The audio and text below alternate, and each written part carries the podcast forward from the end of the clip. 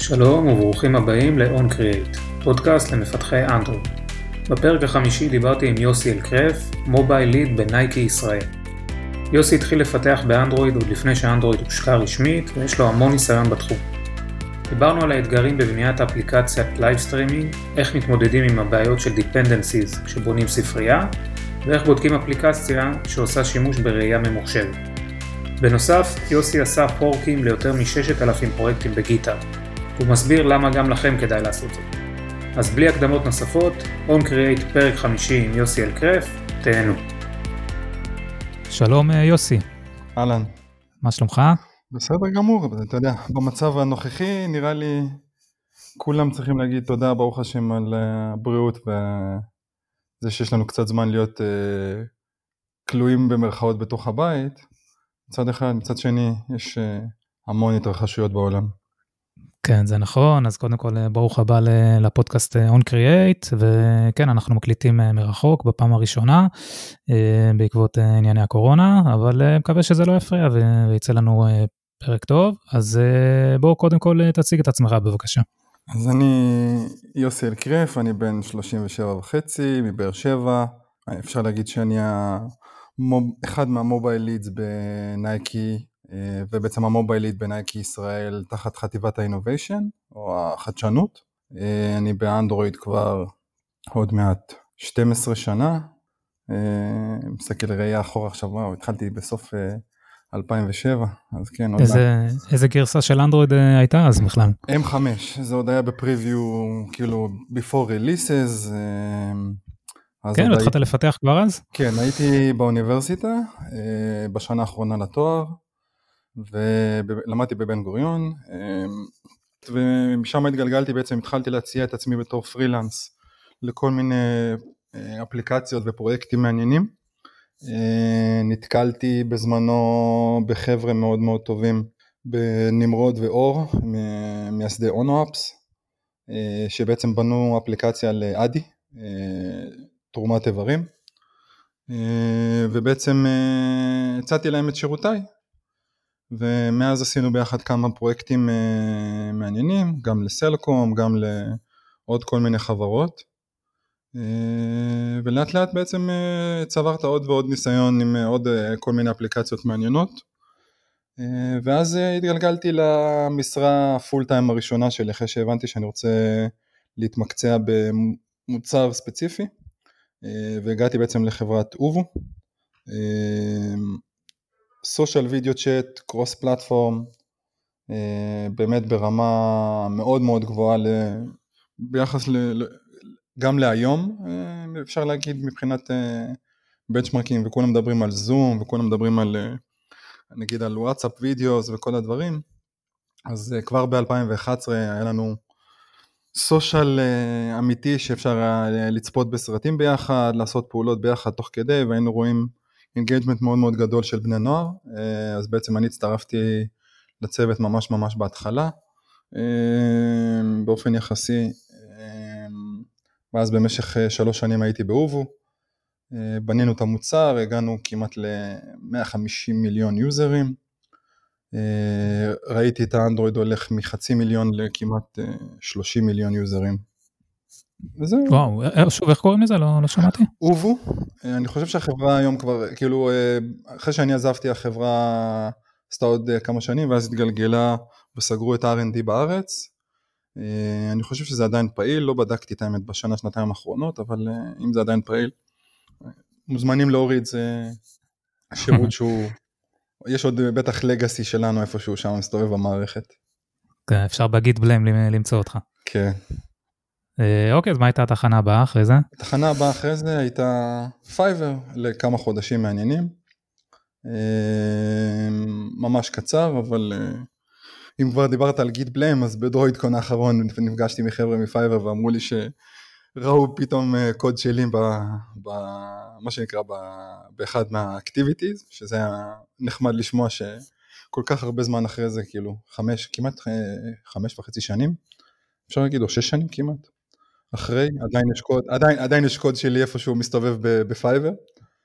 אה, ומשם עברתי באמת אה, למובלי, כדי לייצר אה, גם את הרשת החברתית שהייתה וגם עוד כל מיני מוצרים שהיו בנוסף, כמו שהיה שם מיראז' ואיון למטה.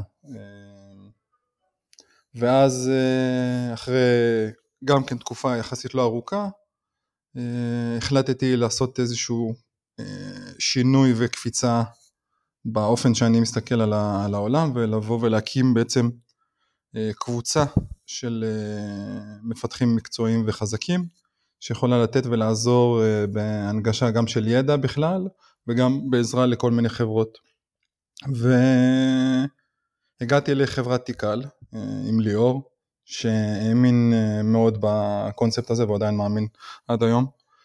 קהילת ה Full Stack ישראל זה הקהילה הכי גדולה ש, של מפתחים שקיימת בישראל, הם מקיימים מפגשים, מיטאפים, תרומה של קוד פתוח לקהילה בכמויות אה, אדירות ויש שם אנשים מעולים. אה, ובעצם הקמתי את הקבוצה של המובייל, אה, גם כן הייתי שם כמעט שלוש וחצי שנים עם כל מיני פרויקטים מאוד מאוד מעניינים, סוג של מסגרת של outsource אפשר להגיד, אמ, כאשר אני בתור המוביל של הקבוצה זה קצת היה שונה אצלי מבחינת ההתנהלות מול הלקוחות אבל כן הייתי מגיע בתור אה, ארכיטקט מובייל ומייצר בעצם פתרונות ספציפיים ל-POCים וכל מיני מחקרים מעניינים. אז גם יצא לי להתקל בדברים מעניינים. אז היית מצד אחד אה, סוג של אחראי טכני ושימור ידע בין כל המפתחים, וגם ארכיטקט אצל הלקוחות שהמפתחים של דיקל נמצאים אצלם? נכון. אה, ובעצם ניהלתי את הקבוצה, ואתה יודע, מ-0 גדלנו ל-15 מפתחים. אה, לאט לאט לגייס אותם, אתה יודע, להעביר להם את כל הידע המעניין והדברים.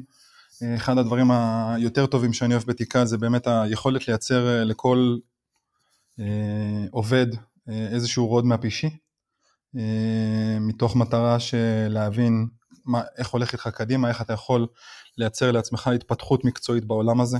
אתה חשוב לשמור על, ה, על הידע שלך מצד אחד, מצד שני כשאתה נמצא על משהו שהוא מוצר אחד הוא confined לטכנולוגיות ספציפיות, אז אתה לפעמים מאבד הרבה מאוד מהנגישות בשוק ואתה לא, לא יוצא לך הרבה לטפל ב...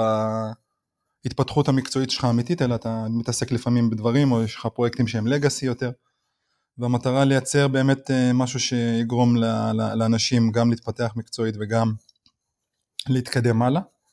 אז, אז תן, תן דוגמה איך, איך אתה עוזר למישהו כזה להתפתח. אז קודם כל, חלק מתהליך הגיוס הוא מן הסתם להבין באמת מה החוזקות ומה החולשות של כל בן אדם, אז אה, אני מסתכל על הקורות החיים, אני מסתכל ועובר אה, איפה הוא עבד, מה הוא עשה, אז כל מקום שרשום בקורות החיים אז אה, קצת יותר אה, מאשר סתם להגיד אוקיי עבדתי ב, נגיד בחברת אה, ABC או עבדתי באובו ואז אתה אומר אוקיי בוא נראה מה המוצר, בוא נראה מה, מה הדברים, מנסה להבין ולשאול אנשים אחרים נגיד אם הם מכירים אותו, מה הוא עשה, איך, איך הוא היה, מן הסתם זה כדי להבין את הרקע הפרסונלי גם. אבל זה המון שיחות אישיות שיצא לי לעשות עם הרבה מאוד אנשים ולהבין באמת איזה סוג של פרופיל של אנשים אנחנו היינו מחפשים בתיקל. אמ, חלק מזה באמת אה, הוא העובדה שהבן אדם רוצה ללמוד ורוצה להתפתח ורוצה ומבין שחלק מההתפתחות האישית היא גם אחריות אישית שלו ל- ל- לייצר לעצמו את הלוחות זמנים האלה. אם אני אומר לעצמי שאני אבצע משימה ואני הולך לבצע את המשימה באיזשהו פרק זמן, אני עדיין רוצה לייצר לעצמי pipeline או איזשהו אה, דפוס עבודה שאומר, אוקיי, בשעות האלה והאלה אני עדיין משקיע משהו שהוא אה, עתידי ואני אראה את הפירות אחר כך. כמו שאנשים הולכים לחדר כושר ומתאמנים נגיד פעם, פעמיים, שלוש בשבוע, אז אנשים בעצם עושים חדר כושר, אה, נקרא לזה מוחי slash מנטלי, ומייצרים לעצמם יכולת ותוכנית עבודה קדימה. אז אתה היית עוזר להם לעשות את התוכנית כמו שמדריך ראשי עושה? בדיוק, ובעצם יש מפגשים שבועיים ומפגשים אה, חודשיים אה, למעקב ויש בעצם אה, tech leads שהם, התפקיד שלהם זה גם כן לשמש מנטורים תוך כדי על כל מיני נושאים כדי שהם גם כן ישפרו את החוזקות שלהם בהובלה ובניהול של אנשים ברמה טכנית וכל המטרה היא בעצם לייצר שרשרת שלמה של אנשים שיכולה לעבוד באופן נקרא לזה אסינכרוני כי אתה לא רוצה עכשיו לשבת אה, ולעשות pair programming כל הזמן, אז אתה מייצר משימות, אתה מייצר פרויקטים למיניהם, אתה מייצר איזושהי תוכנית עבודה, ויש לך מדדים שאתה בודק אותם תוך כדי, ואתה נמצא שם גם ל- ל- לעזרה בשוטף. בכל יום אה, אנשים יכולים לפנות אליך, לשאול שאלות, גם אם זה בתוך הפרויקט שאתה נמצא בו שאתה עובד, וגם כל החבר'ה בתיקל, כולם יודעים שיכולים לפנות אליך ולשאול שאלות, ויש לך באמת ערוצי תקשורת רבים. אה, המטרה היא גם לא להגיע למצב שאתה overwhelmed מכל הזה, זאת אומרת אתה בסוף צריך אה, לייצר לעצמך גם כן איזשהו פרק זמן שלך שאתה עובד ונח ויש לך משפחה וילדים והכל. וכן, יש מסגרת והיה מאוד נוח אה, לעשות את זה גם מהכיוון שבכל זאת יש לי זמן נסיעה ברכבת או בתחבורה כזאת או אחרת שהוא קצת יותר ארוך מרוב האנשים. אז uh, הייתי יכול גם לעבוד בזמן הזה, גם לקרוא, גם לנהל משימות, ל- זה יותר קל כשאתה, יש לך שעות קבועות של uh, זה, וכן לפעמים uh, אתה יושב ואתה אומר הנה כמו עכשיו שאנחנו מקליטים בשעה די מאוחרת במוצ"ש, אתה אומר אוקיי אני מפנה את הזמן שלי כדי שיהיה דברים שהם uh, מספיק חשובים לי כדי שאנשים uh, ידעו הלאה ויעברו הלאה, ואתה מנצל את הזמן בצורה יותר אופטימלית. יודע, גם נותנים אה, לאנשים כלים איך לנהל את הזמן יותר טוב, אז יש גם סדנאות כאלה שזה מפגשים כלליים אה, לכל העובדים, אה, נגישות גם לחומרים מעניינים. עכשיו, ב, ב, אפשר להגיד, לפני שבועיים בערך, היה מיטאפ של Tikal ב remote בעצם, של מפגש עם דארן מרפי שהוא Head of Remote ב GitLab, בעצם session עם uh, הסבר שהם לעבוד... חברה שהם, שהם כולה ברימוט. נכון, הם כולה ברימוט, הם נבנו מלכתחילה ברימוט, הם עובדים ברימוט, uh, אני לא זוכר כמה עובדים עכשיו, סליחה על ה... מה שנקרא, לא לזכור את ה-numbers, אבל כן, uh, הם עובדים כולם בצורה מרוחקת, יש להם מדריכים מעניינים, אני אשלח לך לינק אם אתה רוצה, תוכל לפרסם אותו גם בזה לכל המאזינים, ואז כן, כן, נוסיף לשונות. אה, מאוד מאוד מעניין, היה מאוד מאתגר לשמוע כאילו איך הם עושים את זה וגם היה דיסקשן מאוד אה, פורה עם אה, חבר'ה שמובילים סטארט-אפים שונים בארץ ולהבין באמת איזה בעיות יש להם וגם אנחנו פה בנייקי בארץ גם כן חווים את זה. מאוד כן, כולם צריכים, כולם צריכים להתרגל למצב הזה, לא יודעים כמה זמן זה, זה יימשך, אבל כן, העבודה מהבית זה, יש יתרונות ויש חסרונות, צריכים, צריכים לדעת איך, איך לעבוד עם זה.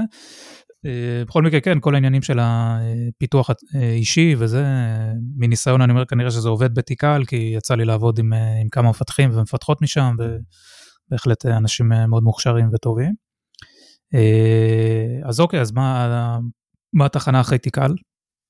אז כן, אז אחרי תיקל חברת סטרים אלמנטס, מי שמכיר את ראם שרמן, דורון ניר, אור פרי, גיל הירש, פנו אליי אה, בזמנו והם אה, חיפשו בעצם אה, להרים את המובייל ב StreamElements, StreamElements זה חברה שעושה בעצם מפתחת כלים לסטרימרים online, Twitch, YouTube, Mixer, תבחרו איזה פלטפורמת שידור שאתם רוצים לשדר stream live וכל התכנים שאתם חושבים עליהם שהם משדרים live, בין אם זה gaming ובין אם זה news אה, כאלה ואחרים, או פודקאסטים שמוקלטים ב live וכן הלאה. אז אה, בעצם מייצרים כלים ל... ליוצרי התוכן, כדי שיהיה להם יותר קל אה, לנהל את השידור או לתת תוכן הרבה יותר טוב. והמטרה הייתה באמת להרים משהו מדהים במובייל שיאפשר אה, ליוזרים של StreamElements וליוצרי תוכן בכלל, כדי לעבוד גם מהכיוון של המובייל, כי העולם גם ככה הולך למובייל ברוב הכיוונים. למרות שהקורונה קצת אה, דחף את זה הפוך עכשיו בשלושה חודשים האחרונים, אה, כולם יותר אה, נסוגים לתוך הבית מן הסתם, עדיין משתמשים במכשירי מובייל, אבל זה לא אותו דבר כמו לשדר out and about. אמ, וכן, אז מאוד מאוד מאוד התלהבתי מה, מהחברה. אמ, גם כן, ה... זה צוות, אה, צוות מדהים, זה, זה בטוח. צוות מדהים, אנשים שם, גם המובילים וה founderים וכל האנשים שם הם מדהימים, וגם כשחשבתי על זה בבית, הבנתי שאחרי שלוש וחצי שנים, אולי באמת אה, הגיע הזמן לעשות איזשהו challenge למוצר שבעצם אני בונה אה, אפילו עוד יותר מאפס מאשר רק קבוצה של מומחים שעוזרת ל, ל, לכל העולם. וקפצתי על זה במה שנקרא בשתי ידיים. תפסתי את ההזדמנות. אז תוכל לספר קצת על המוצר שם, מה, מה אתה עשית כן. באפליקציה כן. של האנדרואיד? אז, אז ככה, בעצם בסטרים אלמנטס יש מערכת שנותנת לך לשדר תוכן ולהכניס, מי שמכיר את OBS, זה בעצם תוכנה שנותנת לך לשדר את המסך שלך, אפשר לחבר עליה מצלמה, מיקרופון ועוד כל מיני אביזרים אחרים אם רוצים להוסיף עליהם, ואז אפשר לייצר בעצם מערכת שידור שמשדרת את המסך שלך, מקליטה בזמן אמת, ואז אפשר לעשות כל מיני overlays על השידור. אפשר להגיד עמדת שידור אולפן נייד. המטרה הייתה לייצר אולפן נייד גם כן במובייל, ויש לנו בעצם שם המון המון רכיבים שצריכים להתממשק אחד עם השני.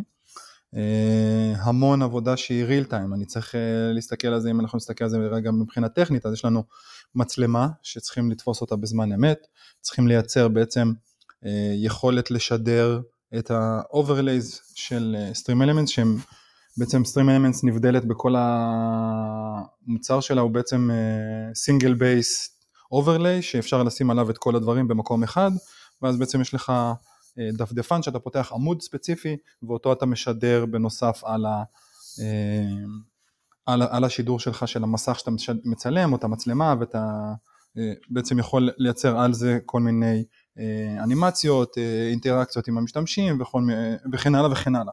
והמטרה הייתה לייצר בעצם מערכת מאוד מאוד דומה גם במובייל ואז אתה מסתכל על המפרט הטכני ואתה אומר אוקיי איך אני מייצר מערכת שגם דוגמת את המצלמה ב-60 fps גם מרנדרת את המסך את הפריוויו ב-60 fps וגם משדרת את התוכן אחרי שהיא עושה encode ושולחת אותו לשרתים השונים בין אם זה טוויץ', יוטיוב, מיקסר, לא משנה תבחרו לאיזו פלטפורמה. האתגר הטכני הכי גדול היה באמת לייצר משהו שתופס לאו דווקא את המצלמה אלא תופס יותר את ה-Web View שאמור להרים את ה-overlay ולייצר אינטראקציה איתו בזמן אמת בין אם זה דרך socketים ובין אם זה דרך אה, גישה של socketים אה, אל ה-Web View וגישה של socketים אל השרתים ישירות של Stream Elements. לא, אז אתה לוקח ממש uh, WebView, משהו שקשור לשרת של Stream Elements, ואותו עושה בתור overlay מעל הוידאו את, אותו WebView. נכון. ומה שאתה עושה שם זה, זה, זה קצת uh, tricky עם OpenGL, אבל בגדול אתה צריך לייצר את ה frame של המצלמה, לצייר אותו, לצייר מעליו את ה-WebView ולגרום ל-WebView, ה-WebView לא באמת מרנדר את עצמו אם הוא לא מחובר ל-UI thread. וזה אחד הטריקים היותר גדולים ומעניינים של איך אה, לגרום לזה לעבוד ולרנדר את עצמו בעצם כשהוא לא מחובר באמת למסך ש... שהוא מציג את עצמו על המסך של הטלפון. אה, וזה חלק שעובד אה, כולו ב-OpenGL ביחד עם כמה טריקים נחמדים שהיה נחמד לייצר ולגרום להם לעבוד בצורה טובה. מה שנוסף על זה גם יצרנו בעצם אה, שוק חדש, כי ברגע שיצאנו עם, ה, עם האפליקציה, אה, ראינו שיש צורך מאוד מאוד גדול של אנשים, בגלל שהם משדרים במובייל, שהשידור לא יתנתק. אם אתה נעלם ל-2, 3, 10, 20 שניות מהשידור, אז השרתים של טוויץ', יוטיוב, פייסבוק, לא משנה מה, מנתקים את השידור, סוגרים את השידור. ויכול להיות מצב שאתה נמצא במקום שיש לו bad connectivity ברשת, שיש לך הרבה מאוד packet drop או packet loss כזה או אחר של אה, חבילות שהן מן הסתם אה, בווידאו ואודיו, אבל אתה לא רוצה להגיע למצב שהשרת סוגר את השידור שלך, אתה רוצה שהיוזרים עדיין יישארו ויהיו אינגייג'. אז בעצם אה, יצרנו שירות שנקרא Smart Stream, שכל המטרה שלו לייצר בעצם תווך שידור קבוע לכל הזמן הזה שאתה משדר, ובעצם אנחנו מייצרים עבור אותו משתמש pipeline אה, ששומר על השידור שלו live כל הזמן, עם ה overlay שלו ועם יכולת לתקשר עם ה overlay ככה שאנשים יודעים שנגיד נתקלתי באיזושהי בעיית תקשורת, ואז יש לך מסך BRB או I'll be right back או connection lost for a few minutes וכל מיני דברים כאלה שיכולים לעלות תוך כדי בשידור. וגם על זה אפשר לייצר עוד אינטראקציות שהן שונות בין, ה, בין נקרא לזה בין הסצנות שאנשים יכולים לעבור ביניהם.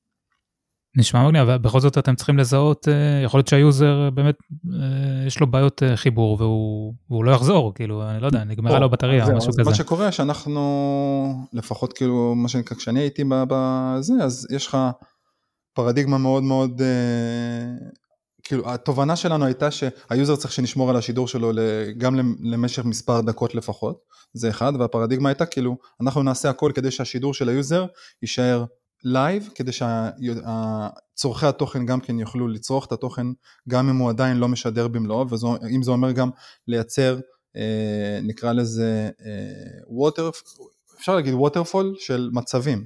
ואז אנחנו מגיעים למצב שנגיד אם יש לי אה, ירידה ואנחנו מזהים את הירידה באיכות החיבור אנחנו יכולים לרדת למצב שאנחנו משדרים באיכות פחות טובה.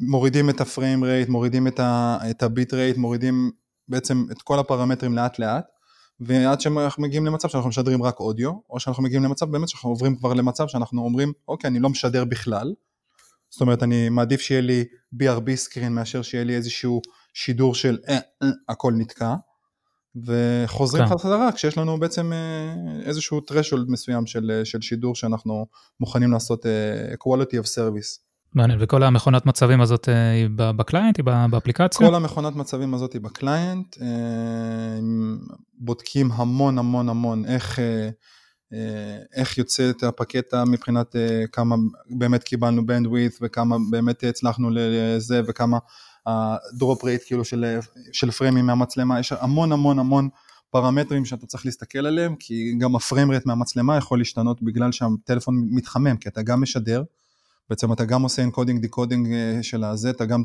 לוקח מה-GPU המון המון כוח, בכל זאת הכל כתוב שם ב-OpenGL בשביל שאפשר יהיה לרנדר. אז אתה לוקח גם מצלמה, גם uh, סנסורים, כי אתה צריך את כל, ה, את כל ה data, אתה פותח את המסך כאילו שהוא יהיה דלוק כל הזמן, כדי שתוכל להראות למשתמש שיוצר את התוכן מה קורה, כי הוא רוצה לראות את הצ'אט שלהם, שצ'אט ב live זה גם כן חיבור real time-י uh, עם סוקטים או לטוויץ' או למיקסר או ללא משנה מי. גם כן אתה רוצה לתת לו חיבור ישיר אלינו real time לשרת שלנו, כדי שהוא יוכל לשנות את הדברים ב-API, אז יש לך את כל הבקשות שזה, יש לנו data channel שלנו בתוך הדבר הזה, בשביל להעביר בעצם, בין אם זה מידע ספציפי שלנו, ביקורת, בין אם זה להעביר information כדי שאנחנו נעשה כל מיני דברים ברקע, בין אם זה שינוי של ה overlay או טריגרים או event ים שקורים ואז הוא צריך לקבל הודעות עליהם. יש המון המון המון מידע שעובר שהוא לאו דווקא השידור עצמו, וכמובן כן, השידור עצמו. מטה דאטה, נכון, מטה דאטה שמצריך באמת בקרה מאוד מאוד גדולה, אז כן, יש שם כמה וכמה אה, חלקים מאוד מאוד אה, מאתגרים שיצא לי לעשות, ובאמת אה, מאוד מעניין. אז רגע, כל העניין של ה-OpenGL וזה, זה ב-NDK, איך ב-Native, איך, איך כותבים את זה? אז uh, OpenGL אפשר לכתוב uh, חלקית ב-Java, uh, מבחינת uh, callbacks, אבל כן, הכתיבה היא, ב, אפשר להגיד, ב-NDK ביחד עם uh, זה, יצא לנו להשתמש גם ב-open source, uh, יש כמה open sourceים שונים ש... מאפשרים לשדר אה, שידור של אה, משהו שנקרא RTMP, שזה בעצם אה, אחד הפרוטוקולים יחסית ישנים שקיימים, אבל הוא אחד הפרוטוקולים היותר יציבים לשידור וידאו ב live. היום כולם עוברים כבר, אפשר להגיד, ל-WebRTC, אבל אז בזמנו זה, וגם היום זה נחשב אחד הפרוטוקולים היותר טובים, גם טוויץ', גם יוטיוב, גם מיקסר, כולם משתמשים בזה. אמ, וכן, יש שם די הרבה עבודה, גם NDK, גם OpenGL בעצמו זה משהו שאני לא מספיק חזק בו בשביל להגיד שאני יכול להגיד, אה, אני המומחה העולמי בזה, מן הסתם. הרבה, אז, הרבה מטריצות וכאלה, לא? המון, אה, כן, וגם אה, הבנה של, בעצם יש כמה גרסאות ל-OpenGL, יש OpenGL 3.0, 2, זה, אני לא זוכר עכשיו את כל ה... versions, אבל אה, בסוף אה, יצא שעבדנו עם OpenGL 3.0, אה, ויש את זה גם ל-ES, זאת אומרת Embedded Systems, אז גם יש שם כל מיני שינויי סינטקס ושינויים של איזה פקודות עובדות ואיזה לא, ואתה צריך להבין זה, ואז יש לך מן הסתם, כמו שיש לנו requirements של אני צריך קאמרה, אני צריך מיקרופון, אז אני מכריז גם במניפסט איזה גרסת OpenGL אני צריך שתהיה על המכשיר. וגם זה אתה רואה שמכשירים, כשיש להם את ה-OpenGL אז הם קצת מזייפים בצורה שהם מאבדים את התמונה, ואז אתה צריך לעשות כל מיני fallback ים וכל מיני דברים ש... כולם מכירים את זה נראה לי מהמכשירים של סמסונג, אתה רושם if סמסונג device the בלה בלה בלה, ואז אתה מגיע למצב כזה, אז כן, זה חלק, כ... חלק מהכיף של, ה, של הפרגמנטציה נכון, כן. באנדרואיד. נכון, אבל כן, זה, זה, זה כיף, כי כשאתה רואה את זה עובד, וכשאתה רואה את זה live, ואתה רואה בן אדם לוקח אופניים ויוצא לטיול אופניים באוסטרליה או ביפן, או משדר עכשיו בטוקיו, ב, ב, מה שנקרא בלב ה... ליבו של הג'ונגל האורבני, לוקח, אה, אה, נו, אה, אוי, שכחתי איך קוראים לזה, לוקח גימבל, לוקח, אה, אה, נו, אה, רמקול, חצובה, מה... חצובה, רמקול בלוטוס כזה מחובר ביחד והכל, ויוצא לשידור. אנשים קוראים לזה אפילו בקפק, יש כאלה שיש להם תיק ממש לשידור ממש ממש מקצועי. אז גם לזה הבאנו פתרון בעצם, שנתנו להם יכולת לקבל companion mode עם הטלפון, במקום לשדר מהטלפון, שהטלפון יחסית מוגבל בגלל שהוא גם יש לו סוללה מופחתת וגם אה, בסוף איכות השידור של אה, סלולרי לעומת אה, מצלמה full HD אמיתית היא פחותה, יש, אה, אם מישהו רוצה להסתכל, יש אה, של מישהו שבשם גנרן, אה, שהוא עובד בטוויץ' ובעצם הם המציאו המציאו. לקחו מערכת מאוד מאוד אה, מדהימה של ארבעה מודמים סלולריים מחוברים עם אנקודר דיקודר של, אה, שכחתי של איזה חברה עכשיו, של LiveView נראה לי, ומחברים את זה למצלמת Full HD של סוני ביחד עם חצובה. מחברים לזה איזה 16 סוללות, אפשר להגיד שמצבר של רכב, והולכים עם זה לטייל במשך 24 עד 48 שעות. ובעצם אה, משדרים live, אנשים שידרו מתוך אה, יכטות ומתוך אה, שייט על זה וקארטינג ודברים מאוד מטורפים, אבל מה שיש להם כן. בעיה זה שאין להם שום פידבק על השידור, הם לא יודעים מה קורה, הם לא רואים כלום. אז אנחנו יצרנו, חלק השני באפליקציה היה בעצם לייצר real time experience בתור companion mode למישהו שמשדר ויש לך בעצם פאנל ניהול לשידור, בלי שאתה מנהל את השידור מהמצלמה שמשדרת, אלא יש לך מכשיר נייד שרואה את הצ'אט, יכול לעשות אינטראקציה עם היוזרים, ונותן להם שם עוד אה, דברים שאתה ברגיל פחות אה, יכול להתממשק אליהם בטלפון. מגניב לאללה. ותגיד חוץ מהיכולת אה, השידור עצמה והקומפניאן מה שסיפרת עכשיו, יש את המעטפת עצמה של האפליקציה, זאת אומרת חלקי UI, ווידג'טים רגילים של אנדרואיד וכאלה, אז היה הרבה עבודה בעניין הזה גם, של המסכים הרגילים נקרא לזה? אז זהו, אז המסכים הרגילים בגלל שהצורה של העבודה היא בעצם, אפשר להגיד שזה סינגל אקטיביטי. אה, בשני, בשני, בשני המצבים, זאת אומרת מצב אחד, מצב שידור זה אקטיביטי אחד, ועליו יש אה, בעצם שלושה פרגמנטים עם נביגיישן דרור, ומצב הקומפניון בעצם זה אפילו לא זה, זה אקטיביטי אחד עם פרגמנט ונביגיישן דרור. אה, אין שם הרבה קומפוננטות UI רגילות של אנדרואיד מעבר לזה, מהסיבה הפשוטה שכל השידור וכל המצב מתבסס על הצורך לשדר אה, WebView ולשדר את המצלמה ואת האודיו. אז הקומפוננטות אינטראקציה הם די straight forward, יש אה, מעט מאוד פקדים, controls בעיקר של, אפשר להגיד של כפתורים, sliding, view pager, לא היה שם משהו אה, נגיד פורץ דרך אה, יותר מדי בארכיטקטורה הזאת, הארכיטקטורה הכבדה באמת כמו שאמרתי זה כל האינטראקציה עם ה real time, ה state machine והיכולת של השידור עצמה. כן, נשמע שהשידור עצמו זה האתגר הגדול. אוקיי, אז מה התחנה בעצם הנוכחית שלך, לא? זו התחנה נכון, אחרי סטרים אלמנטס? בדיוק, אז התחנה הנוכחית אז... שלי זה נייקי. אחרי סטרים אלמנטס בעצם אה, חיפשתי מקום שייתן לי אה, גם קצת, אה, אפשר להגיד אה, work-life balance מצד אחד, מצד שני איזשהו challenge מעניין. היו כמה וכמה מקומות מאוד מאוד מאוד מאוד מעניינים. חלקם לא הסתדר עם כל מיני אילוצים אישיים שלי, אז נדדתי לאיזה חודש חודשיים בחיפוש ואז הגעתי לנייקי. בעצם נייקי ישראל מורכבת משני גופים, שני חלקים. חלק אחד זה באמת, ה, אפשר לקרוא לזה ה retail, הקמעונאות, החנויות והסוכנויות, מפיצים וכל הדברים האלה. החלק השני זה חטיבת innovation, שזה משהו יחסית חדש. אה, בעצם נייקי רכשה סטארט-אפ שהתמקד ב computer vision, ביכולת של אה, עבודה ובעצם אה, זיהוי נכון של עצמים ב computer vision. ובעצם אחרי שרכשו את, את החברה הקימו בעצם את ה-Innovation Hub בתל אביב.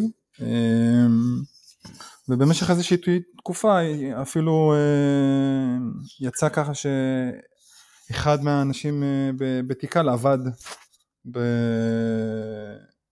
ב-Innovation Studio, אה, אפילו יצא לי לפגוש אותו בדיוק במה שנקרא בשבוע הראשון בערך, בשבועיים הראשונים של העבודה שהוא עוד היה זמין ביחד איתי במשרד אפשר לקרוא לזה, אם קוראים לזה משרד, כבר אה, שכחתי איך נראה המשרד, לא סתם, סתם. אה, אז כן, אז אה, בעצם מה שעושים בחטיבה יש חטיבה שנקראת דיירקט, שבעצם המטרה שלה זה לייצר יכולת של הצרכנים לרכוש ישירות מנייקי או לקבל את המוצרים ואת כל השרשרת מנייקי, וחלק מזה זה מן הסתם האתר של נייקי, האפליקציות השונות של נייקי, והמטרה של, שלנו ב innovation זה בעצם לקחת אה, חלקים מסוימים מה roadmap העתידי של נייקי, לבחון מה אפשר לעשות ובאמת לייצר מוצר עובד. אז אה, אחד המוצרים שיצא כבר אה, שנה שעברה זה בעצם יכולת בחנויות להגיע לחנות של נייקי אה, ואז בחנות ה-store athlete, האתלט בחנות או האתלטית בחנות, המוכרים, יכולים לסרוק את הרגל ולייצר לך בעצם אה, מידה שתשמש אותך בפרופיל שלך בנייקי לרכישות עתידיות וזה אומר שאתה יכול לסרוק את, ה, את הרגל שלך ולקבל את המידת אה, נעליים האמיתית. וככה אתה מגיע למצב שאתה לא צריך לחשוש ממצב שאתה רואה נעל ואתה לא יודע להגיד אם המידה מתאימה כי יש לנו נעליים שונות, יש לכל נעל מן הסתם שבלונה שהיא קצת שונה בין אם זה ברוחב של הרגל, של הנעל או באורך שלה, צרה יותר, רחבה יותר וכל הדברים האלה, אז בעצם יוצרים פרופיל של המשתמש אה, עם הסריקות של הרגל אה, בחנויות והמטרה שאתה תוכל לקנות איזה נעל שאתה רוצה, אתה פשוט נכנס לאפליקציה של נייקי, אתה רואה את הנעל, אתה מסתכל, ישר אתה מקבל המלצה למידה, ואחרי זה אם יש לך איזושהי בעיה אז אתה מן הסתם אה, יכול להחזיר או לשנות את הפידבק על הנעל אם היא התאימה לך באמת במידה או לא, ומזה גם האלגוריתם לומד. אה, משפרים את ההמלצות במודל. אז אה, אבל זה משהו שאני צריך ללכת לחנות בשביל נכון, שיסרקו אותי? בדיוק, זה משהו שהוא רק בחנויות, יש משהו שנקרא סקנמט, או פיטסקן, אה, זה משטח מיוחד שאתה מגיע לשם, אתה שם את הרגליים, אה, מן הסתם שאתה גורב גרביים, ואז אה, בחנות סורקים אותך ובעצם מעלים את זה לפרופיל שלך ותוכל לקבל המלצות לנעליים. המטרה שלנו בחודשים מאז שאני הגעתי בעצם זה אחד מהפרויקטים שאנחנו עובדים עליו זה באמת לייצר את זה שאתה תוכל לעשות את זה מכל מקום בעולם שאתה לא צריך להגיע לחנות של נייקי כדי לסרוק את זה, את הרגליים, אלא אתה תוכל לעשות את זה מהבית. אה, ובעצם אה, זה אחד הדברים שקסם לי מאוד ב, ב, בעצם באינוביישן, כי ההתעסקות עם אה, Machine Learning ו-Computer Vision זה משהו שמן הסתם עשיתי מעט מאוד בשנתיים שלוש האחרונות, יותר בפרויקטי צד או לקרוא ולשמוע, להבין, לנסות דברים קטנים, ופה זה באמת בסקייל אמיתי. יש המון המון אספקטים והמון המון אלגוריתמיקה מאחורי זה, יש אנשים שהם dedicated מה שנקרא, אה, ובכל זאת בתור מי שמוביל את המובייל, בסוף ה... נקרא לזה, היחידת קצה היא באמת המובייל דיווייס, זה בין אם זה אנדרואיד בין אם זה iOS, וכל מכשיר יש לו בעצם ספקטרום מאוד מאוד גדול של שונות, כי יש לך עדשה שונה, צמצם, אה, אורך מכשיר, איפה המיקום של העדשה ביחס לסנסורים השונים, הרזולוציה שהמכשירים יכולים לתפוס את התמונה, המיקום של הזווית, כי איך היוזרים אמורים להחזיק את הטלפון, איזה סטייה יש בין זה שהוא מדווח שהוא באמת, נגיד נקרא לזה ישר במרחב לעומת הישר האמיתי של כדור הארץ, ניקח סנסור אחר שנותן לך זה, אז יש לך IMU שעושה tracking לכל המידע, אז גם לו לא יש איזה שהם סטיות או שונות בדגימות, ואז אתה צריך לעשות כל מיני חישובים על זה. רגע, אבל יש אבסטרקציות לדבר הזה, לא? יש את ה-AR Core, איך זה נקרא החבילה הזאת של גוגל? אז ככה, יש סינפורם AR Core של גוגל, ויש לך גם AR כאילו של, של, של אפל. שניהם עושים בעצם אבסטרקציה כדי שהיוזרים יוכלו להשתמש ולייצר סביבת AR. אבל אם אתה מסתכל על מה, שה, מה שקורה במכשיר, יש, אה, נקרא לזה, יש פיצוי יתר על חלק מהרכיבים במערכת. אפשר לראות שנגיד באפל, כשהמכשיר אומר שהוא אה, בגודל, אה, סתם דוגמה, שהפיקסל 2 מילימטר שלי הוא 2, אנחנו רואים שבעצם הפיקסל 2 מילימטר יכול להגיע גם ל-2.5. עכשיו כשאתה רוצה למדוד מידה של רגל אתה לא יכול לסטות בזה, בחישוב של הזה, אם אתה סוטה בכמה מילימטרים, או מספיק שאתה סוטה בשניים, שלוש, שני מילימטר זה כבר מידה אחרת. אם אתה טועה כלפי מעלה או טועה כלפי מטה, זה אומר שנתת למשתמש שלך מידה שונה בנעל. כן, עכשיו, חייבים אה, רמת דיוק אה, גבוהה. זה אחד. ושתיים, אם תחשוב על זה שבכלל אנחנו לא, לא לוקחים את זה עכשיו אה, למדוד אובייקטים בערך בסקייל במרחב, אנחנו צריכים את המידה האמיתית. ובגלל שהמשתמשים אה, במרחב גם AR, גם AR Core וגם סינפורם וכאילו כל הפתרונות AR יש להם בעיה בזיהוי משטחים. אז כשאם אתה תפעיל נגיד את ה... אה, את ה אה, נכון שאתה עכשיו שעושים את כל החיות האלה שפותחים את המצלמה ואז אפשר להכניס חיות אז אתה רואה שהוא אומר לך תביא לי משטח, תן לי לזהות משטח וכאילו שאני יכול לזהות איפה אני יכול לשים את זה במרחב. המטרה שלנו לייצר פתרון שזה לא משנה באמת איזה משטח אתה נמצא, זה משנה שאנחנו יכולים לזהות את האובייקטים שנמצאים על המשטח. אנחנו צריכים שתהיה רצפה כלשהי עם איזשהו גוון מסוים שהוא שונה מהגוון של הרגליים, בגלל זה אנחנו מבקשים גם אה, נגיד גרביים מן הסתם, בסדר? שיהיה לנו קונטרסט ברור בין הזה, והיכולת לזהות את הרגליים במצב הזה היא, היא, היא לא פשוטה בוא נגיד ב, בלשון המעטה. מצד אחד, מצד שני ברגע שאנחנו מזהים אנחנו יכולים לתת פה תמונה מרחבית הרבה יותר טובה ולמדוד את, את הרגל.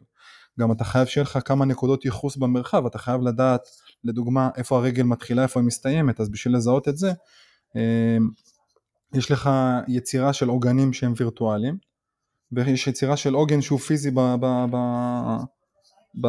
במציאות, אני צריך לייצר איזשהו עוגן כדי שאני אדע מאיפה הרגל מתחילה או מאיפה היא מסתיימת. רגע, אז, אז אם אני מבין נכון, אז בעצם אתה אומר, בגלל שיש לכם אה, use case מסוים, אז uh, אין צורך להשתמש בחבילות האלה שהן uh, לא פחות מדויקות. יש לנו פתרון שעובד, יש לנו פתרון שעובד על זה, וכן, וראינו שרמת הדיוק שלו היא מאוד מאוד אה, לא טובה ל, ל, לפתרון שאנחנו רוצים להציע. זאת אומרת היא טובה לדברים אחרים, שימושים אחרים, אם אני רוצה באמת לעשות, אה, לשחק עם אה, חיות או לנסות להלביש על עצמי אה, נגיד חולצה או משהו כזה, אז זה לא נורא אם טעיתי ב-2, 3, 5, 10 מילימטר, זה, שזה הרבה, אבל נגיד 10 מילימטר זה לא נורא. כן, עולמות ה-augmented reality שרוצים נכון, לצייר דברים נכון, כל ה-augmented reality למיניהם זה פתרון מאוד מאוד טוב, זה עובד מאוד יפה, הכל טוב ויפה, אבל אם אני מגיע למצב שאני צריך מידות אמיתיות של דיוק מילימטרי, אני לא יכול להשתמש בפתרונות AR האלה, ולכן היה צורך לייצר בעצם אלגוריתמים פנימיים של נייקי, אה, בין אם זה ב-computer vision עצמו שיוכל לזהות את הרגליים כתוצאה מהדרישה של הסנסורים השונים, של, של כל הפתרון בעצם, אה, כל המערכת הזאת. אבל איך זה עובד? אני מניח שאתה בתור האחראי על ה-client, אתה משתמש במודל שאומר לך, היי, הוא אה, כאילו הרגל לא, לא, לא הצלחתי לזהות את הרגל אז תציג לו הודעה תזיז את הרגל לפה נכון, דברים כאלה. כאילו... אז, אז אנחנו משתמשים יש כמה וכמה מודלים שרצים אה, חלקם רצים במקביל גם ב-client וגם ב-backend חלקם רצים רק על ה-client חלקם רצים רק על ה-backend. אה, בסוף המטרה שלנו היא להגיע למצב שהמשתמש מקבל את התשובה כמה שיותר מהר. וכן, המודלים האלה נבנים כתוצאה מהבנה שלנו של איך המשתמשים עובדים במרחב, יש המון קבוצות מיקוד, המון דאטה של צילומים שאני יכול להגיד, יש לנו עשרות אלפי צילומים של רגליים בפוזיציות שונות, עם גרביים, בלי גרביים, עם נעליים, עם רגל אחת, רגל ככה. בטח יש איזה מישהו שצריך אה, לתייג את כל התמונות האלה גם. נכון. אה, לשמחתי זה לא הייתי אני.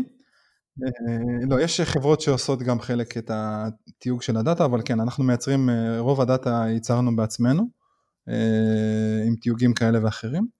יש גם מכשירים במעבדה שעוזרים לנו לייצר באמת דאטה שהוא יותר נקי, בין אם זה מעקב אחרי הסנסורים של הטלפון בצורה שהיא יותר מבוקרת ביחד עם סנסורים חיצוניים שעושים השוואת אמות מידה לראות כמה באמת יש סטיית תקן של הסנסור הזה, החיישן הזה, העדשה הזאתי, אה, כמות המפרטים וה... iFixit teardown שעשיתי של דיווייסים למיניהם בין אם זה מכשירי אפל ובין אם זה מכשירי אנדרואיד שונים כדי להבין איפה נמצא ה-IMU ביחס לעדשה, ביחס לדברים האלה. וזה לא רק אני, כן, כל הצוות עוד עשה את זה לפניי בהרבה, ואנחנו עדיין עושים את זה, כי יש כל כך הרבה מכשירים באנדרואיד שצריך לתמוך בהם, אז אה, אנחנו יכולים להגיד שה-iOS בקטע הזה באמת זה פתרון הרבה יותר, נקרא לזה, קל מבחינת הסקייל מצד אחד, מצד שני, אני לא הייתי מחליף את האנדרואיד תמורת שום דבר אחר בעולם, עם כל זה שיצא לי לעבוד הרבה ב-iOS בחצי שנה הזאתי באמת. אז בואו באמת תן, תן איזה take ככה על ההבדלים בין פיתוח לאנדרואיד ו-iOS. באנדרואיד אני נהנה. יתרונות, חסרונות? לא, לא, סתם, סתם. עכשיו באמת, אה, יתרונות, חסרונות. בגדול, ב-iOS, הכתיבה ב-Swift ו-Kotlin הן די דומות, הפרדיגמות הן די, אפשר להגיד, מתכנסות לאותם אה, אזורים. יש design אה, patterns כאלה ודיזיין פאטרנס כאלה בכל אחת מהפלטפורמות, אבל צורך לייצר, אנחנו בסוף מייצרים גם, אה, הפתרון שלנו הוא פתרון שהוא ברמת אה, SDK, זה אומר שכל הנייקי אפס האחרות אמורות לצרוך את התוכן שלנו שאנחנו מייצרים.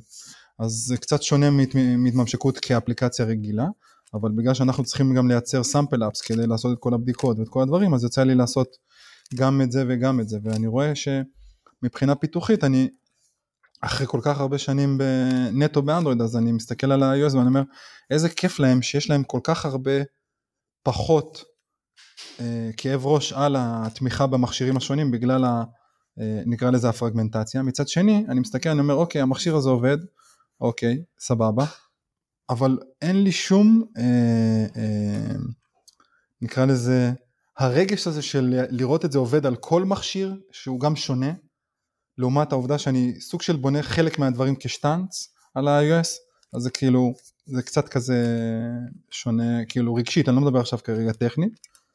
כן, כאילו האתגר יותר גדול באנדרואיד, וברגע שאתה מצליח זה יותר אז, כיף. נכון, אז האתגר באנדרואיד באמת, בגלל שיש יותר uh, ורסטיליות, אז הוא יותר כיף. גם ה-API levels, הרי בסוף, אם אנחנו מסתכלים על זה, uh, ברגע שיש גרסת iOS, שזה ההבדל המשמעותי ש, ש, שמגיע, אז יש לך bundled של כל הפריימורקים שאנחנו אה, אורזים אצלנו גם ככה, בין אם זה ה-play services שאתה מסתכל באיזה גרסה אתה לוקח, בין אם זה עכשיו תיקח את ה-Kotlin versions שאתה רוצה לשים, כל הדברים האלה, שאנחנו מוסיפים אותם כ-dependencies, ואז אם אתה מסתכל על כל API של אנדרואיד יש כל מיני variants שונים שאתה צריך להסתכל ולראות שהכל עובד וזה tools כאלה והכל, ב-iOS זה הרבה יותר קל להם, יש להם גרסת operating system נגיד עכשיו 13.3 או 13.3.1 או 13.4 לא משנה עכשיו איזה גרסה בסדר? ברגע שה-device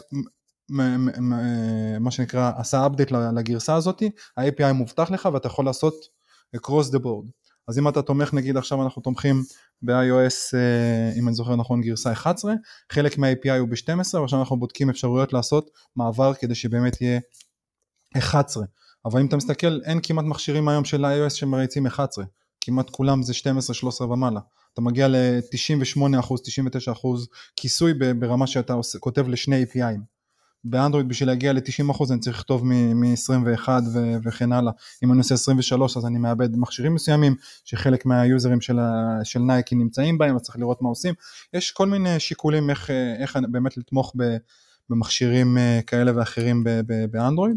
אני חושב שזה נושא שנלעס הרבה, אבל מצד שני אני אומר, כולם כבר די מתקדמים קדימה, זאת אומרת העולם כבר רוב רובו של, ה, של שיא הבאסה בפרגמנטציה ירד כבר, אם אני לוקח את API 21 ואת API 23 מבחינתי זה כמעט אותו דבר, אני לא רואה הבדל כזה גדול מבחינת הבעיה בתמיכה ב-21 או ב-23 לעומת תמיכה לפני כן, ואני חושב שזה, חושב שזה... טוב.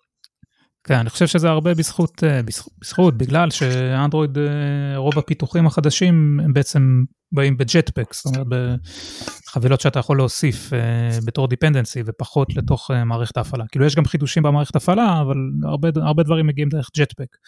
ואז זה פחות קריטי מה הגרסה של המערכת הפעלה של ה-user. נכון, אבל גם עם Jetpack אז יש לך המון בעיות, בגלל שאנחנו SDK אנחנו רואים dependency שאצלנו נמצאים ב-level מסוים, ויש לך third parties או SDKs אחרים או פיצ'רים אחרים או מודולים אחרים, שהם באים בגרסאות שונות, ואז אתה מתחיל להגיע כן, למצב כן, כן, בתור ספרייה זה בעיה. אז התהליך הוא מאוד מאוד, אפשר להגיד שיש תהליך מאוד סיזיפי עד שאתה מגיע למצב שהגרסאות עובדות. אה, אבל once it's up and running אז אני, כאילו זה גם כן משהו שהוא מאוד מעניין, כי נגיד יש קונבנציה, אה, נגיד יש הרבה אנשים שעברו ל-Kotlin בתור, Kotlin DSL במקום Gradle Groovy, בנייקי עדיין אנחנו עושים Gradle Groovy, למרות שעכשיו אני רוצה לנסות לראות אם אני אצליח להגיע ואני אמצא זמן, אז להעביר לפחות את ה-SDK שלנו לקוטלין. כן, אני עשיתי את זה באיזה פרויקט צעד, זה, זה די מגניב, אבל uh, הסטודיו, עד לא מזמן הוא פחות תמך בזה, לא, לא, פחות השלמות ופחות נכון, כאלה, אז, אבל אז, אני חושב שמהגרסה האחרונה הוא תומך בזה טוב. אז, אז היום קודם כל ככה, 3.2 אמור לתמוך בזה סבבה, 4 ו-4.1 אמורים לעשות את זה הרבה הרבה יותר טוב, והמטרה היא בגלל ש... אז זהו, אז דיברנו קודם נגיד על להבין תהליכית קדימה ודברים כאלה, אז גם חשוב אה, לי לציין שאנשים צריכים להבין שבסוף התהליך של הלמידה וההתפתחות המקצועית נובע מזה שלא לחשוש לקחת ולנסות ולשחק עם דברים שהם בפריוויו, באלפא, בבטא, לא משנה איזה גרסה שהיא אפילו לא גרסה stable. לנסות ל, אפילו לגעת סתם חצי שעה בשבוע, שעה בשבוע, בכל אחד מהדברים האלה, כי עתידית זה משהו שנכון הוא יהיה יותר יציב, גם ה-API בטח אולי ישתנה מן הסתם אם זה אלפא לדוגמה, אבל בסוף אתם תראו שיש לכם דברים שאתם נגעתם בהם ויותר קל לכם לעשות migration עתידי וזה משהו שבתור innovation אנחנו כאילו אמורים להיות ב... ב, ב בקדמה של הטכנולוגיה אז אני חייב תמיד לבדוק את כל הדברים האחרונים ולראות איך יש להם ואיך הם משליכים על הפתרונות שאנחנו רוצים להציע ב roadmap שלנו. כן, ואפשר גם את הדברים האלה לעשות אה, בדיקות בפרויקט צד כזה. בפרק האחרון דיברתי עם אה, אורית מלכי מיוקי, והיא סיפרה שיש לה איזה פרויקט צד שהוא ה playground שלה, כל פעם שיש איזה חבילה חדשה, משהו שהיא רוצה לבדוק, אז אה, בעצם היא בודקת שם ומשחקת עם זה ככה, אז לא חייבים לעשות את זה בפרויקט הגדול שלה, שבעבודה שלכם, אפשר פשוט פרויקט צד. נכון, והכי טוב זה לעשות עוד משהו שאני עושה בעוונותיי, זה לאגור קוד. אני אוהב לאגור קוד, אם מישהו רוצה להיכנס, אה, חברים שלי מכירים. מה הכוונה? בגיטאב, הריפוזיטוריז שיש לי פורק, אז אה, אני אחד מההורדרים הכי גדולים של forks אה, של repositories. אוקיי, מה זה נותן בעצם? אז זה נותן לי שני דברים, כי תהליך העבודה שלי הוא קצת שונה, ב... כאילו רוב האנשים מסתכלים על איזשהו פרויקט, מסתכלים טיפה על הקוד ואם הם אה, מעניין אותם אז הם עושים star בתור, אה, בעצם star זה סוג של favorite או שאני אומר שאני... זה בדיוק מה שאני עושה. יפה, אז star זה סוג של favorite ואז אתה מגיע למצב, אתה הולך על, על ה starred project שלך ואתה מסתכל אוקיי איזה פרויקט שהיה לי בעבר וכאלה, אבל אני מסתכל טיפה יותר ופרויקט שאני רוצה לעשות איתו משהו ולשחק איתו ובאמת לנסות להבין מה קורה הלאה אז אני עושה לו פורק. יש לי הרבה פרויקטים שעשיתי להם פורק ועשיתי contributions אה, ויש פרויקטים שהם שלי יש לי open source projects, יש לי מעל ש... אם אני לא טועה כמעט 6,000 repositories בגיטאב שהם פורקים שלי סלאש סורסים שלי אה, את רובם אה, קראתי או נגעתי בקוד ברמה ששיחקתי בו באופן אישי או עשיתי contribution. אה, אני חושב שזה חלק מתהליך למידה מאוד מאוד מאוד מאוד מפתח, גם מחשבתית. כי בסוף יש לנו פרדיגמות חשיבה מאוד מאוד מסוימות, שאנחנו רואים איזושהי בעיה אז אנחנו נכנסים ישר לפתרונות כאלה ואחרים. אני, כשאני רואה בעיה אז אני קודם כל רוצה להגיע למצב שאני עוצר שנייה, חושב, מנסה להבין באמת מה ההשלכות של כל פתרון שאני הולך לקחת ואז לנסות לפתור את זה. וכדי להגיע למצב שאני חושב ומבין פתרונות אז אני רוצה לראות עוד ועוד אה, אנשים שאיך הם פותרים. ואז בעצם אתה יכול להגיע למצב שיש לך חשיבה מתודולוגית לפי דברים שראית בעבר. אה, זה מאוד מאוד עוזר אה, במציאת פתרונות לדברים שלא נתקלת בהם, במיוחד בגלל שאנחנו צריכים כאילו אם אני עכשיו רוצה לבוא ולבנות נביגיישן uh, דרור מן הסתם זה משהו שכל העולם כבר בנה. אם אני רוצה לבנות עכשיו נביגיישן uh, באיזשהו פרגמנט uh, כזה ואחר בנביגיישן API אז גם כן יש מלא סאמפלים אבל אם אני רוצה לייצר עכשיו state machine של כל האלגוריתמים שאנחנו עשינו אז מן הסתם אין דבר כזה. אבל מה שאני כן מסתכל אני מסתכל על אנשים שבנו state machine. בין אם זה בקוטלין בין אם זה בג'אווה בין אם זה ב-C++ בין אם זה בסוויפט uh, uh, כל המטרה היא להבין איך אנשים נכנסים וניגשים לבעיות האלה והם ניגשים לזה מכיוונים שונים ואז אתה צריך לקחת את הטולבוקס הזה שיש לך ולהתחיל לבנות בעצם את הפתרון שלך ולהשתמש בכלים האלה. אני, כל פתרון שראיתי של קוד מבחינתי זה איזשהו כלי נוסף בארגז כלים שלי והוא יכול לשמש אותי מתישהו בעתיד. נכון שלפעמים אני רואה קוד שהוא לא תקין ואז אני מן הסתם יכול להעיר, לתת אה, PR ולהסביר למה אני חושב שזה לעשות, אה, צריך לעשות ככה ולא ככה, ואני יכול להיכנס לפרויקטים open source ולתקן אישוז או לעזור לאנשים, שזה גם דברים לעשות, שעוזרים לך גם כן מחשבתית. לפעמים אני עושה אפילו משהו יותר מעניין, אם אני נתקל באיזושהי בעיה שאני רוצה לפתור, אז מה שאני עושה, אני עושה הפסקה לגמרי מתודית, הולך ל Stack Overflow ועונה על שאלות של אנשים ב Stack Overflow, או שאני הולך לה, באמת ל GitHub והולך ומסתכל על קוד של אנשים אחרים שהוא בכלל לא קשור לבעיה שלי. לוקח איזה רבע שעה עשרים דקות ואז אני חוזר לבעיה במה שנקרא עם נקודת מבט שונה לחלוטין. אה, זה מאוד מאוד עוזר ל... בכל אספקט בחיים זה, זה עזר לי אז אני משתמש בזה המון ב, ב, בעבודה ואני חושב שזה פתרון שיכול להועיל גם להרבה אנשים. מעניין אז אה, אם אני מבין אותך נכון אתה אומר בעצם שבעניין של הפורקים אם אני ראיתי איזה קטע קוד מעניין במקום רק להסתכל עליו בווב בתוך גיטאב אז אם אני עושה לו פורק וממש משחק עם הקוד אז כנראה זה עושה לי ככה חיבורים במוח יותר טובים שיעזרו לי לפתור בעיות uh, בעתיד. בקשר חזרה לאפליקציה, ל-SDK בעצם כן, בנייק, נייקי, כן, אה, אז מבחינת אה, טסטים, איך אתם, אה, איך אתם יכולים או, לבדוק את זה בעצם? אז זה מאוד מעניין. אמ, יש חלקים שאי אפשר לבדוק. זה מאוד מאוד מקשה מן הסתם לייצר קוד שעובד בצורה רגילה, אבל יש חלקים שאתה לא יכול לבדוק בצורה אוטומטית. אמ, יש לי איזשהו רעיון לייצר באמת מערכת קצת יותר אוטומטית עם איזושהי זרוע רובוטית. שתכניס אינפוט כאילו שאתה רוצה לבדוק? כן, המטרה היא לייצר... וידאו אינפוט? אה, נכון, בדיוק, לייצר וידאו אינפוט מגבהים שונים, אה, עם אה, צורות שונות של רגליים ו- ודברים כאלה. אה, זה מה שנקרא רעיון שיש לי בצד בבקלוג.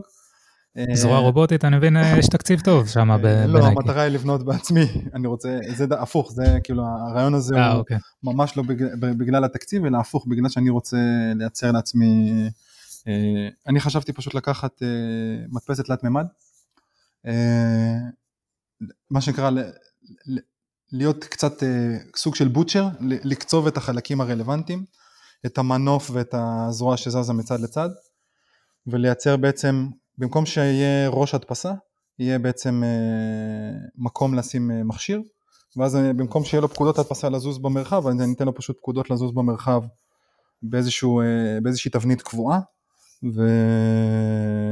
ואז בעצם אני אוכל להדפיס, אה, במרכאות להדפיס, כן? אה, תרחישים שונים של אה, צילומים מגבהים שונים ובזוויות שונות של המכשיר, בלי שאני... לתת, לתת תסריט של צילום כזה, שזה נכון. במקום להדפיס. היום מה, ש...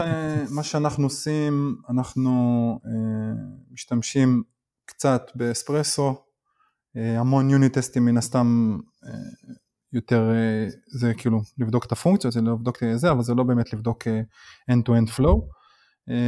יש לנו כמה סאמפל אפס אז יוצא שאני גם צריך לבדוק בכל מיני תרחישים שונים וגם העובדה היא שבסוף בשביל שאנחנו נייצר משהו שעובד ב-100% אנחנו צריכים בחלק מהמקרים גם לעבור במעבדה שלנו כדי לוודא סנסורים אם זה מכשיר חדש ולוודא באמת מיקומים ודברים כאלה כדי לראות שהאלגוריתם עובד בצורה תקינה על מכשיר חדש. על מכשירים קיימים אז יש לנו כבר סוג של ground truth, כאילו כל אחד מאיתנו כבר יש לו את המידת רגליים שלו האמיתית. זה אומר שאני יכול לייצר תרחישים שהם בכל, בכל מקום בעולם, אני פשוט מייצר תרחיש, אני סורק את הרגליים, מקבל את התשובות, רואה מה קורה, בודק את ה-flow, אז כל אחד מאיתנו סוג של QA גם, גם ככה, גם, ב, ב, גם לפני הקורונה וגם היום.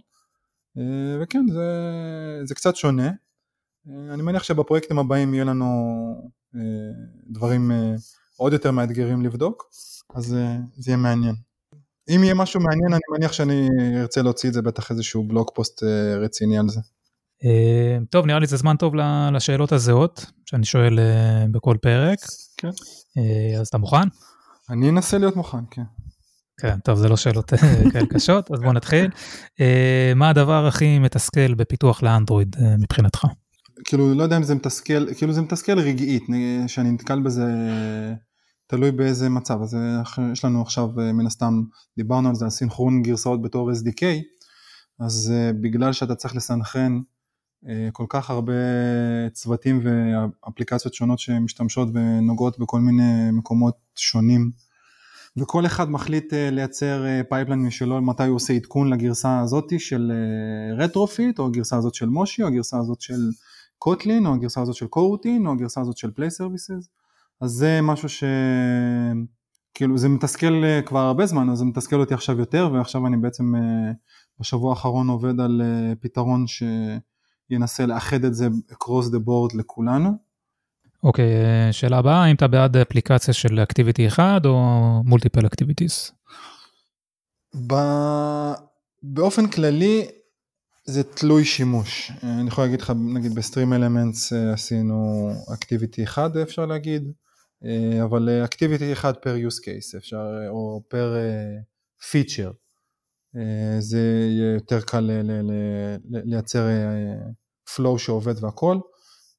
אני ראיתי כבר כמה וכמה פרויקטים וגם פרויקטים פנימיים שיצא לי לעשות, שעשינו בעצם אקטיביטי פר מודול, ואז יש לך פיצ'ר שהוא מודול שלם, שהוא יכול להתחלק גם לתתי מודולים, אבל בסוף יש לו רק אקטיביטי אחד ובפנים יש פרגמנטים עם נביגיישן, או בכלל יש רק ממש פרגמנט אחד בתוך האקטיביטי, או בכלל בלי פרגמנט, באמת תלוי גם באנשים שאתה עובד איתם, חלק מהאנשים פחות אוהבים להתעסק נגיד עם, עם הנביגיישן או עם ה-backstack של הפרגמנטים ולשמור על הסטייטים בפרגמנטים וגם על זה יש כל מיני אסכולות, מה, מה עושים ומה לא עושים. אני בעד קודם כל לבחון מה, ה-use case שאתה מנסה לפתור ואז להחליט על פיו. בגדול הייתי בוחר ב activity per, per feature או per use case. אוקיי, okay, RX Java או coroutines? coroutine. בכלל Kotlin לא, לא, לא, לא סיפרת אם אתה משתמש. משתמשים או... המון, משתמשים אה, כבדים, אה, משתמשים ב experimental איזה API, מולטי פלטפורם, בשביל חלק מהדברים שאנחנו בונים, לא בפרויקט שסיפרתי עליו, אבל בפרויקטים אחרים ומעניינים. אז גם בקורוטינס משתמשים? גם בקורוטינס, גם במולטי פלטפורם, גם דיברנו על זה שאני רוצה להעביר את הגריידל לקוטלין DSL. אני חושב שזה יתרון מאוד מאוד גדול. אני חושב ש-RX Java הוא מאוד מאוד טוב, אבל קורוטינס נותן גלימפס לעתיד מצד אחד ומצד שני. הוא, הוא, הוא חלק מהשפה גם, לא, זה, זה היתרון הגדול. נכון, אני לא צריך להוסיף עוד dependencies ובתור SDK אז אני מסתכל על כל dependency וכל רכיב קוד שאני צריך להוסיף עכשיו ממקור חיצוני שאני שומר על זה בקנאות. אה, אוקיי, מה, מה אתה חושב על פלאטר? אני מאוד מאוד שמח שיש פלאטר. אני לא חושב שזה פתרון טוב ל... לכל דבר, אבל אני חושב שזה פתרון מאוד טוב לדברים מסוימים. שרוצים... כן, כנראה למה שאתם עושים זה פחות רלוונטי. נכון, אה, תראה, זה, זה לא מדויק, כאילו אפשר להגיד שאפשר להשתמש בסנסורים ובכל ה data ובקאמרה ובכל ב Flutter, אבל אה, לייצר pipeline שהוא SDK ו-Machine Learning ו-Computer Vision אה, אה, בנוסף עליו, כאילו בעיבוד תמונה, וגם ה rendering pipeline הוא שלנו, וגם, יש פה המון המון המון מרכיבים שאני לא הייתי רוצה להוסיף עוד משהו שזה גם האסכולה של, של Flutter בסופו של דבר מעיפה ממך את כל האלמנטים, כאילו הם יוצרים את כל האלמנטים בעצמם, זאת אומרת בסוף אם אתה מסתכל על זה יש לך אה, מסך שלם ש Flutter מרנדר עבורך, כן, אין לך כן, UI. כן, מציירים על הקנבס. נכון, הם מייצרים את ה-UI. כמו Unity. כן. אז אה, אנחנו עושים את זה בעצמנו גם היום, כן? לא בדיוק ככה, אנחנו משתמשים ב-views של אנדרואיד, אבל אה, לפחות את החלק הרינדור המעניין אנחנו עושים ב-OpenGL או במטאל ב-iOS, אם כבר מדברים, אז זה גם כן משהו שיחסית יצא לי, לי כאילו, לא, לא עשיתי אף פעם מטאל בחיים שלי, ואפשר להגיד שבחודשיים האחרונים אני עובד על זה וזה מאוד מעניין. אה, אוקיי, שאלה הבאה, אה, מאיפה אתה צורך אה, תוכן כדי להישאר מעודכן? או, זה... יש המון, אבל בגדול המקורות נראה לי כבר הם רובם אמרו, יש ברדיט מלא צ'אנלים שאני רשום אליהם.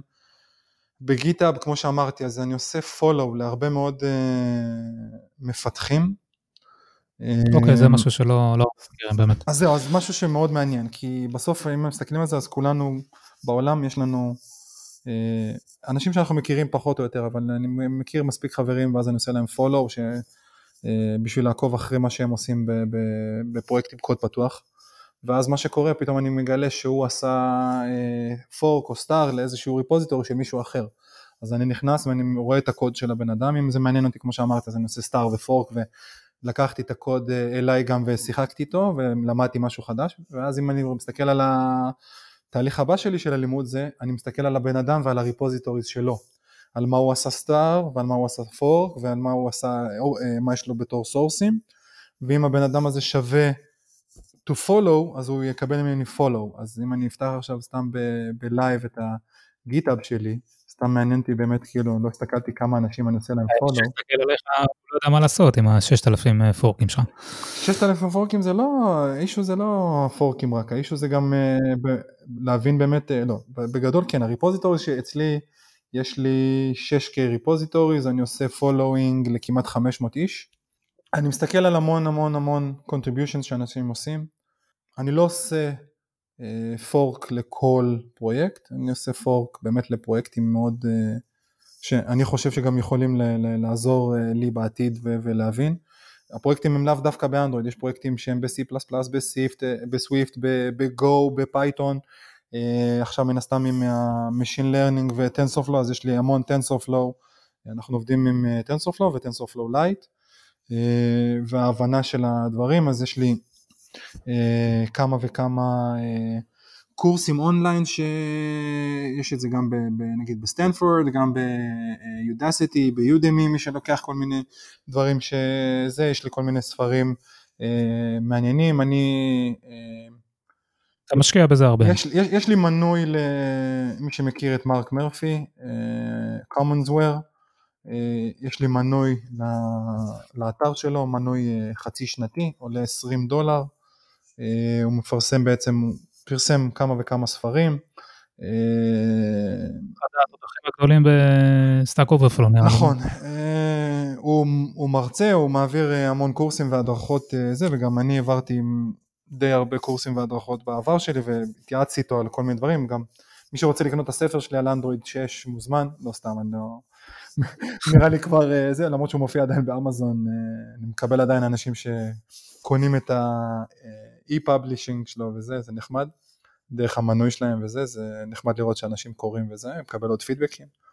אז כן, זה מאוד מעניין, כי בסוף אתה רוצה לראות אה, את, את כל הקהילה הזאת, היא קהילה מאוד מאוד גדולה, קהילה מאוד ענפה, אז יש המון חברים ומכרים וטוויטר שאני עוקב אחרי אנשים ולא מתבייש אה, לשאול, נגיד הייתי צריך עזרה במטאל, אה, פשוט הלכתי וחיפשתי מי האנשים שאני יש להם פרויקטים של מטאל בגיטאב, הסתכלתי על אנשים שכותבים, מה, מה היכולות שלהם, חברות שמתעסקות בזה, התחלתי להסתכל על אנשים בטוויטר, פניתי לאנשים, יש לי טוויטים ב public שכותבים ושואלים שאלות, Stack Overflow כמובן ש, של אנשים שנתקלתי בהם או דברים כאלה שגם כן אני עוקב אחרי הדברים, זה משתדל לנסות גם לענות לפעמים. פודקאסטים מן הסתם זה משהו שהוא קצת שונה. יש את הפודקאסטים ש... של פרגמנטד ויש פודקאסטים של, של אנדרואיד דברל. און קריאייט פודקאסט מעניין ששווה לשמוע, אבל כן, בהחלט.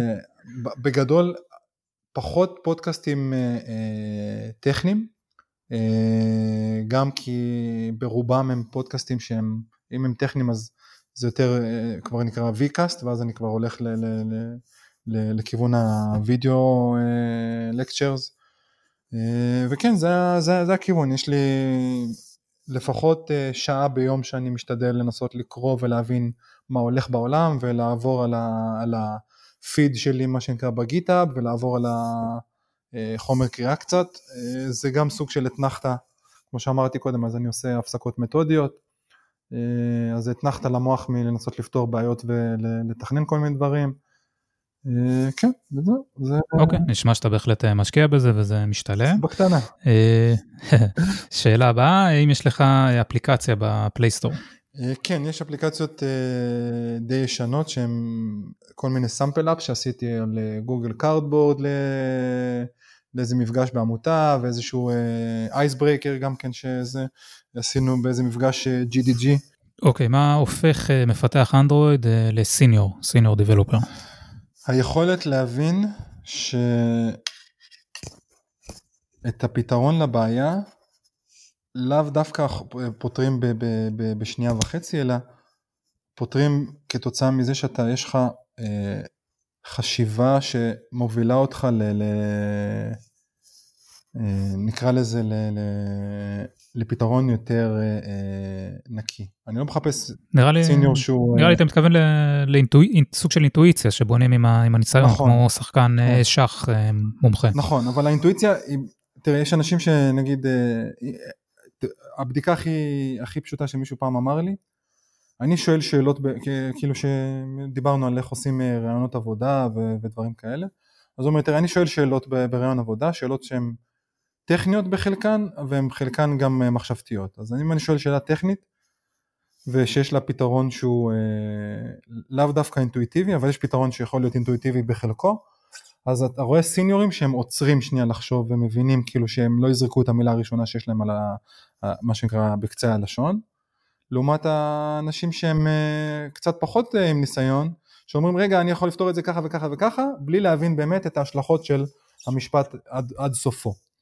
אז סיניור זה מישהו שיכול להגיד לך כן יש פתרון, אבל הוא צריך גם את, את ההשלכות האלה והאלה. אה, זה סוג של נקרא לזה באמת אינטואיציה ויכולת תובנה שהיא באה עם הזמן. וזה גם לאו דווקא מצריך ממך לעבוד עשר שנים במקצוע, זה יכול להיות מצב שאתה גם אחרי שנה, אם קראת המון ונתקלת, כמו שאמרתי שאני עושה, בגלל שאני קורא את הקוד ואני עושה פורקים ואני מסתכל על הדברים האלה, אז יותר קל לי להגיד נתקלתי במרכאות בבעיה הזאת בעבר ואני יכול להגיד ולהבין מה ההשלכות של הבעיות כי הסתכלתי על בעיות כאלה בעבר. אז הניסיון בעצם של סיניור הוא מהכיוון הזה. נתקלת בדברים, הצלחת לזה והיכולת ליישם ולייצר פתרון כתוצאה מזה שיש לך את הטולבוקס אצלך בראש. אוקיי, מה הטיפ הכי חשוב למפתח מתחיל שרוצה להיכנס לשוק העבודה? לא לפחד. ממש לא לפחד, לא לפחד מכישלונות, לא לפחד מלשאול, לא לפחד מלטעות ולא לפחד להשקיע את עצמך במשהו שאתה אוהב, אם, זה, אם באמת אתה אוהב את זה, אז אל תפחד ומה שנקרא תעשה דייב all in. תיכנס, תקרא, יותר נכון הייתי מעדיף אפילו לשמוע, לדבר ב, ב, בלשון אה, נקבה, תיכנסי, תקראי, תפנימי, תשאלי, ת, תעלי פוסטים, תכתבי איפה שאת רוצה, תצעקי בראש חוצות, תבואי למפגשים. אני אשמח לראות 80% נשים ב, ב, ב, ב, בתור מפתחות ולא ה-11-13% שיש היום. בהחלט. האם אתה בעד להשתמש בספרייה חיצונית או לכתוב בעצמך? תלוי במה. בוא נגיד באפליקציות זה יותר קל מן הסתם uh, go to market אז לעשות שימוש בספרייה חיצונית. יש מקרים שאתה לא יכול לעשות את זה בין אם זה ברמת security בין אם זה רמת commerce uh, כזה ואחר הסכמי סחר או licensing ודברים כאלה. Uh, ויש דברים שאתה לא יכול לעשות בתור SDK, אני לא יכול להכניס עכשיו את כל העולם לתוך ה-SDK שלי ולהגיד יאללה אני מוציא עכשיו SDK ששוקל 800 מגה. יש כל מיני אילוצים, אבל אה, בגדול אני הייתי מעדיף לנסות לבנות כמה שיותר על בסיס הקיים, בהנחה ויש לזה גם קהילה מספיק רחבה. אה, בגלל זה, כמו, כמו שאמרתי, אני גולש כל הזמן לחפש open source ים ולקרוא על open source ים כדי להבין באמת אילו בעיות אנשים נתקלו בהם בעולם וחשבו שהפתרון מספיק טוב בשביל לשתף אותו עם כולם. אוקיי, שאלה אחרונה, אה, יש איזה, איזו אפליקציה שאתה ממליץ עליה? אפליקציה ככה לא, אולי שלא כולם מכירים? יש uh, הרבה אפליקציות מעניינות. אה, תן איזה אחת. השאלה באיזה, באיזה אור אני רוצה להצטייר, מה שנקרא, באור של חבר'ה שעושים, זה, אני יכול להמליץ, אפליקציות מעניינות ששוות עכשיו, כאילו, שאני יכול להמליץ על האפליקציות שלנו, של נייקי, נייקי, בין אם זה NRC ו-NTC, שזה ה-Running Club וה... Training אה, Club, שאפשר לעשות אה, אימונים בעצם אה, מהבית, וגם אימוני ריצה מודרכים והכל, אפילו שזה, הגדלו את הטווח עכשיו, אם אני זוכר נכון, ל-500 מטר. אפליקציות שהן מעניינות יותר, אז יש, יש כמה אפליקציות שנגיד של פוקוס, שהן נותנות לי בעצם יכולת לשמוע, אני קורא לזה סוג של מסך לבן לריכוז. אז אני אוהב, אה, כשאני עובד, אני אוהב אה, לעשות אה, מוזיקה שהיא לא באמת מוזיקה קצבית, אלא נקרא לזה סמוט ג'אז או מוזיקה של יוגה, אז יש פוקוס אפ, אני לא זוכר עכשיו את השם שלה בדיוק בזה, צריך להסתכל, פשוט מפעיל אותה. תשלח לי את זה, אני אשים את זה בשיעור עצמו. אני חושב שהיא לא חינמית זה, ויש חלק חינמית, אבל שווה לבדוק. וזה משהו שאני מלווה אותי כאילו עוד לפני לפני הקורונה בכלל סשן בעבודה, אז כן זה משהו מאוד מעניין, יש לי משהו ששווה לעשות זה, יש אה, כל מיני אפליקציות שעושות אה, ניהול זמן מסך, שאומרות לך, טוב אתה יותר מדי בזמן במסך תתחיל לזוז, אמ, אז זה לא משהו יותר מדי מיוחד, אבל אני חושב שזה שווה גם כן לשים לנו איזשהו כזה טיימר כדי לא ליפול למצב שאתם 4, 5, 6 שעות באותו, באותה פוזיציה או מול המסך אה, כל כך הרבה זמן, ולקחת... כן, במיוחד עכשיו אה, כשעובדים מהבית. נכון, אה, זה מאוד חשוב. אוקיי, הגענו לשלב ההמלצות, יש, יש לך איזה משהו, איזה ספרייה או סרטון או מאמר, משהו ככה שאתה ממליץ עליו? אז כן, אני קודם כל במדיום, מי שמכיר לא מכיר מן הסתם, אז גם שם אני עושה קצת פולו אחרי כל מיני דברים. יש כמה וכמה כותבים ששווה לעקוב אחריהם, אה, מן הסתם כל החבר'ה של, של, של אנדרואיד אה, דברל, אה, אבל יש כמה מאמרים שמעניינים, שהם לא קשורים דווקא ישירות לאנדרואיד, אלא ישירות לרמה של הבנה של, של העולם נגיד נקרא לזה, או הבנה של הסביבה של העבודה, בין אם זה ברימוט כמו שאמרתי, ש... איך יותר נכון לעבוד ברימוט, או איזה דברים אתה צריך לעשות בשביל אה, אה, לעבוד בצורה יותר טובה עם עצמך. אה, אז אני אשלח לך שניים שלושה לינקים. אוקיי, ואפשר גם להיכנס בטח לפרופיל שלך ולראות אחרי מי אתה עוקב. וגם לראות אחרי מי אני עוקב, יש reading list מאוד מעניין שמן הסתם רובו קשור למובייל, אבל יש כמה מאמרים כאילו כלליים יותר ששווה לראות. אה, בכלל בכללי אז הייתי ממליץ מן הסתם על פודקאסטים, יש לי רשימה די ענפה, אבל פודקאסטים שהם אה, אה, נגיד רלוונטיים יותר טכנית, אז אני יכול להגיד על ככה, יש לנו All About Android, Android Buffet, Android Central, Android Backstage, Fragmented, שזה דברים שהם יותר מעניינים. סטארט-אפ פור סטארט-אפ בכלל באופן כללי של מאנדיי שווה... של מאנדיי, כן, מעולה. אה, אוקיי, אז אני, אני אתחיל גם, אני קודם כל נותן איזה טיפ קטן לאנדרואיד סטודיו, אז אני אתחיל במשהו שהוא, יכול להיות שהוא טריוויאלי, יכול להיות שהרוב מכירים אותו, אבל בכל זאת שווה לציין את זה. שזה בקוד קומפלישן, כשהסטודיו מנסה להשלים לך משהו, אז יש הבדל בין אם אתה עושה Enter או Tab.